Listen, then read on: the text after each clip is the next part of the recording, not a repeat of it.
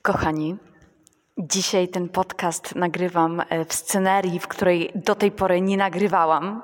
No ale nie jest to vlog, więc niestety nie zobaczycie e, w jakiej scenarii to nagrywam, a mój podcast nagrywam dzisiaj w siłowni.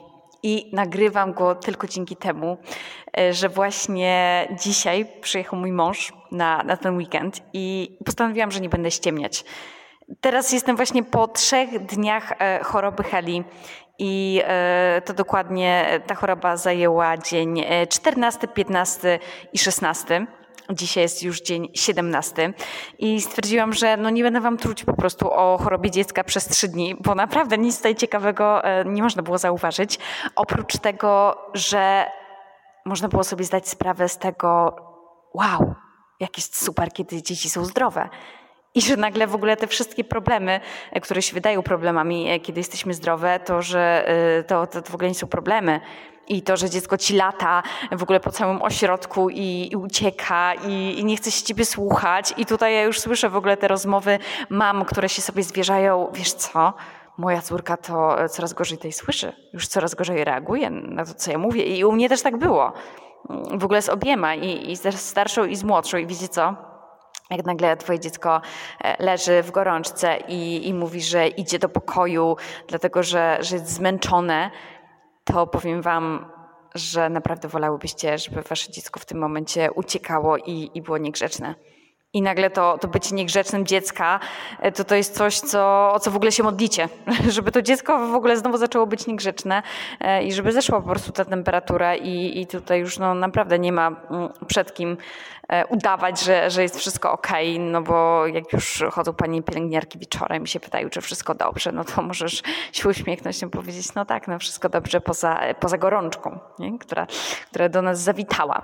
E, no już wspominałam, że, że to się właściwie zaczęło jakoś tak dzień po, po tej wycieczce, więc nie wiem, czy to ma jakiś związek. U koleżanek też, też to się zaczęło, więc czy warto e, chodzić na te wycieczki, czy nie o tą porę, no musicie patrzeć bardzo uważnie na swoje dziecko, czy, czy ono jest na to gotowe i, e, i, czy, i czy ma dostatecznie dużo siły. No bo jak człowiek, człowiek sobie tak uświadomi, że na przykład pojechał tutaj na ten wyjazd e, w ostatniej fazie podawania dziecku antybiotyku albo nie wiem, antybiotyk był tuż przed wyjazdem, e, no to, no to wiadomo, że ten organizm dziecka jest lekko przemęczony, tak? I, i że może lepiej poczekać z pewnymi rzeczami, z wycieczkami i po prostu jakoś zadomowić się w tym sanatorium i tutaj poznajdywać trochę innych atrakcji, tak jak ta nasza e, właśnie e, koleżanka, pani, która, e, która się zajmuje sensoryką u dzieci. Słuchajcie, ona wzięła wszystkie w ogóle potrzebne rzeczy, żeby urządzać takie zajęcia w ogóle na korytarzu dla dzieci. I ja ją naprawdę bardzo podziwiam,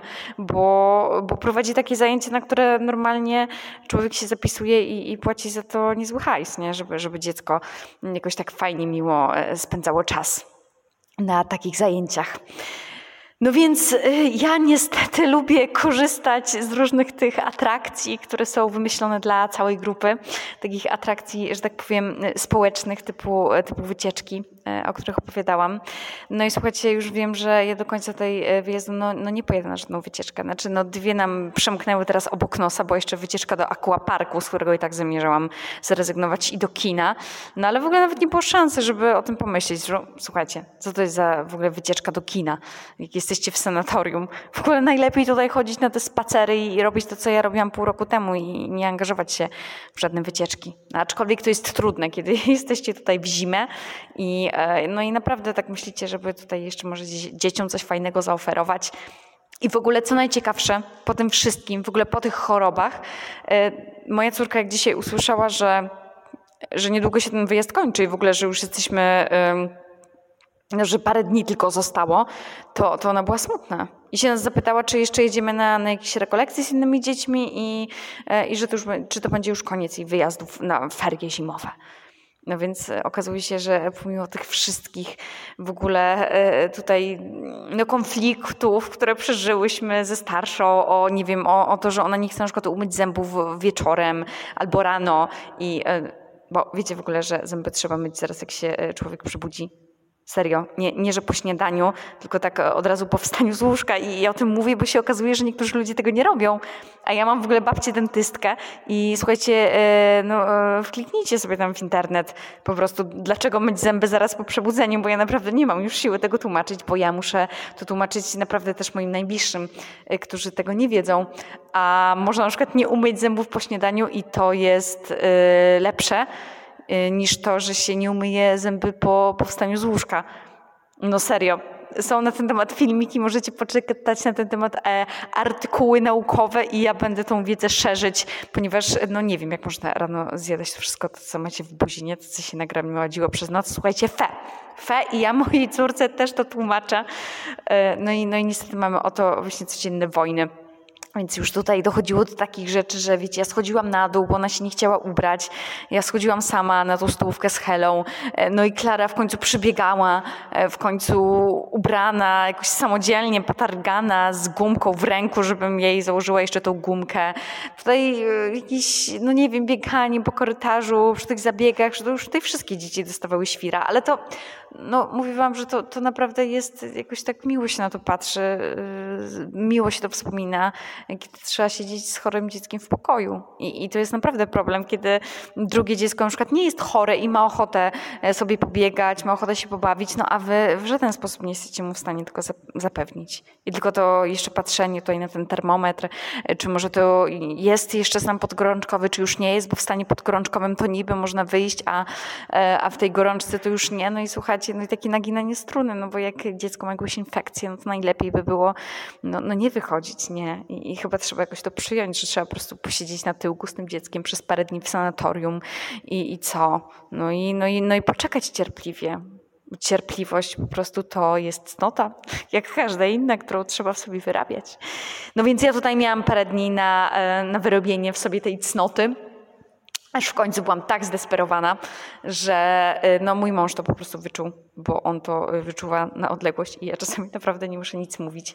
No i on sam zaproponował, że on przyjedzie bo ja już w ogóle miałam w głowie takie rzeczy, że tutaj, y, no w ogóle też nikt nie chce w ogóle wziąć tej Klary y, na ten spacer ze sobą, bo, no bo to jest po prostu niegrzeczne dziecko i tutaj nie ma takiego drugiego niegrzecznego dziecka. No i to oczywiście jest nieprawda, dlatego że no wszystkie dzieci tutaj y, się zachowują podobnie i każda mama jest przekonana, że jej dziecko jest najbardziej niegrzeczne na świecie i że wszyscy wytykają je palcami, no a, a wiecie co, no tylko no wy jesteście tak skupieni na waszym dziecku i, nikt inny nie jest. No serio.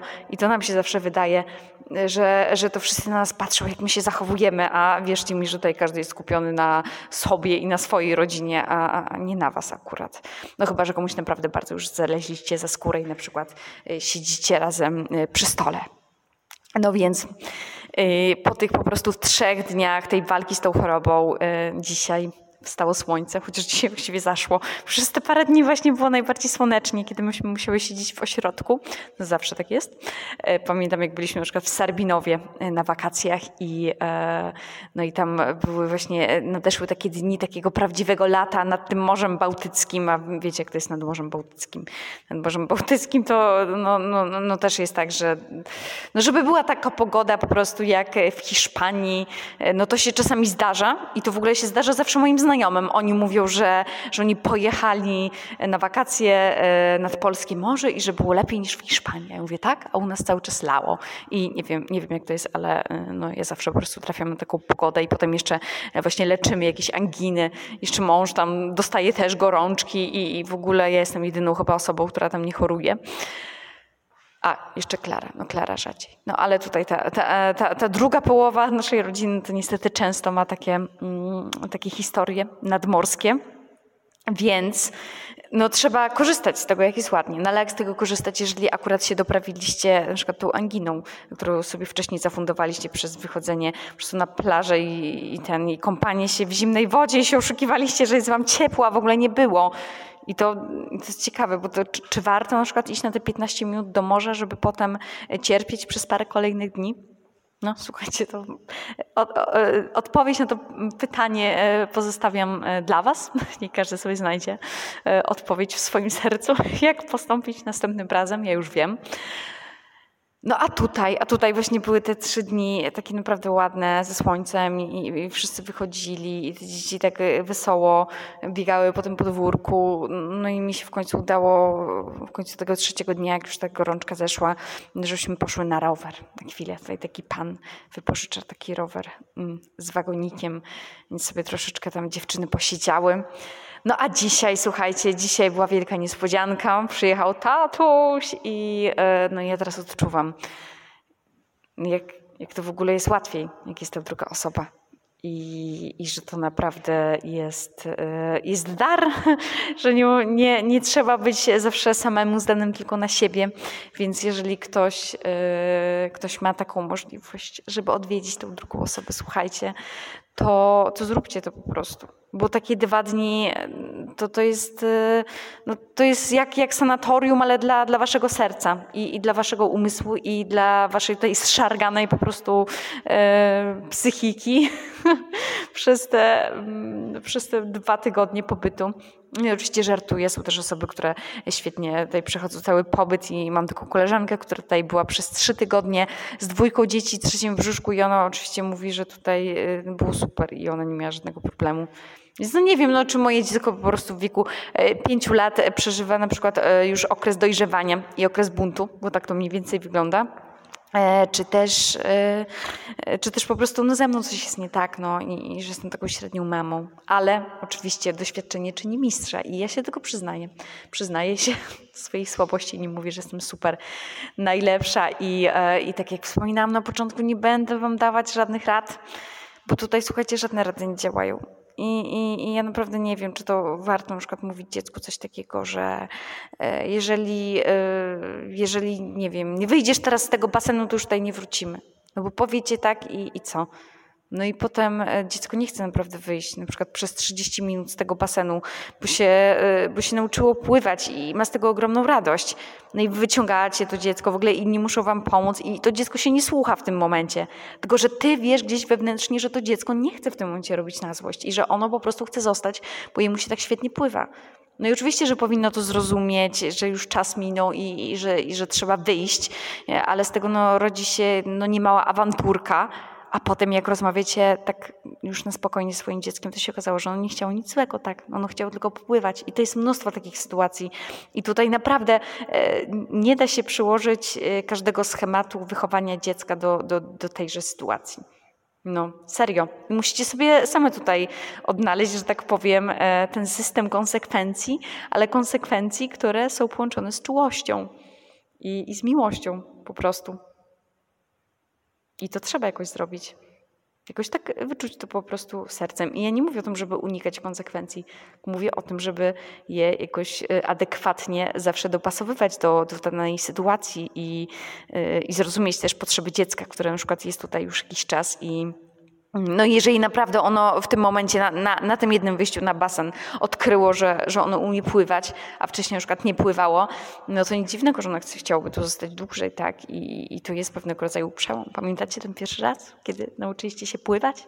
No ja nie pamiętam. Mi się wydaje, że ja zawsze umiałam pływać. A przecież musiał kiedyś nastąpić ten pierwszy raz. No tylko ja go nie pamiętam, bo dziadek, jak byliśmy małe, wybudował taki basen u nas w ogrodzie. Normalnie była taka dziura, zalał to betonem i potem wszyscy mówili tam na ulicy, że, że u, nas, y, u, na, u nas jest basen. No a to, no to był taki basen, który potem trzeba było zasypia, zasypać, bo on no, nie spełniał potem też już wymogów pewnych unijnych. Nie żartuję oczywiście, Unia nam nie sprawdzała, jaki mamy basen, ale, ale no to nie, y, nie działało już to po pewnym czasie odpowiednio. No a tutaj, a tutaj, tak jak mówiłam, jest świetny moment na to, żeby dziecko nauczyło się pływać. No i tutaj takich różnych odkryć małych można dokonać. Na przykład dziecko może z wami pójść do lasu i pierwszy raz zobaczyć szałas, albo nazbierać w ogóle, nie wiem, garść kamyków, które są dla niego bardzo ważne. Ja właśnie tutaj przeczytałam w ogóle w książce, którą dostałam od tej pani, która prowadzi terapię SI. I ja nie wiedziałam, że to w ogóle z tym jest związane, że dziecko, które na przykład ma zaburzenia sensoryczne, ono musi kolekcjonować i że to jest zupełnie normalne i, i trzeba dziecko w ogóle w tym pomagać i to w ogóle stymuluje jego cały e, układ nerwowy. Że to dziecko jak tak sobie e, e, układa właśnie te, te swoje jakieś kolekcje kamyków czy bursztynów, to, to jest właśnie to, na co trzeba temu dziecku pozwolić, bo, bo ono tego potrzebuje I, i tak jak wy na przykład, nie wiem, chodzicie sobie biegać albo mm, no nie wiem, czytacie książkę i to was jakoś stymuluje, to na przykład dziecko to stymuluje to układanie tych kamyczków. I, I, to jest jego sposób na, na, na, rozładowanie stresu. Ja tak trochę mówię o tym rozładowaniu stresu, bo, bo sama jego no, trochę miałam przez te ostatnie dni i założę się, że gro z Was, którzy mnie teraz słuchają, też miało albo będzie miało takie, e, no, taki czas w, w sanatorium. I, e, no i co, kochani? No i chyba przede mną teraz będzie fajny wieczór z moim mężem. E, jestem naprawdę zaskoczona, że on tutaj przyjechał, bo no nie czuję, żebym jakoś strasznie na nim to wymogła, że on musi tutaj przyjechać, a jednak to zrobił. I co, kochani? I to się chyba nazywa miłość. Chyba tak. Dobra. E, słuchajcie, pozdrawiam Was wszystkich i e, no i nic, już mam nadzieję, że będziemy na bieżąco. Do zobaczenia już jutro. Pa!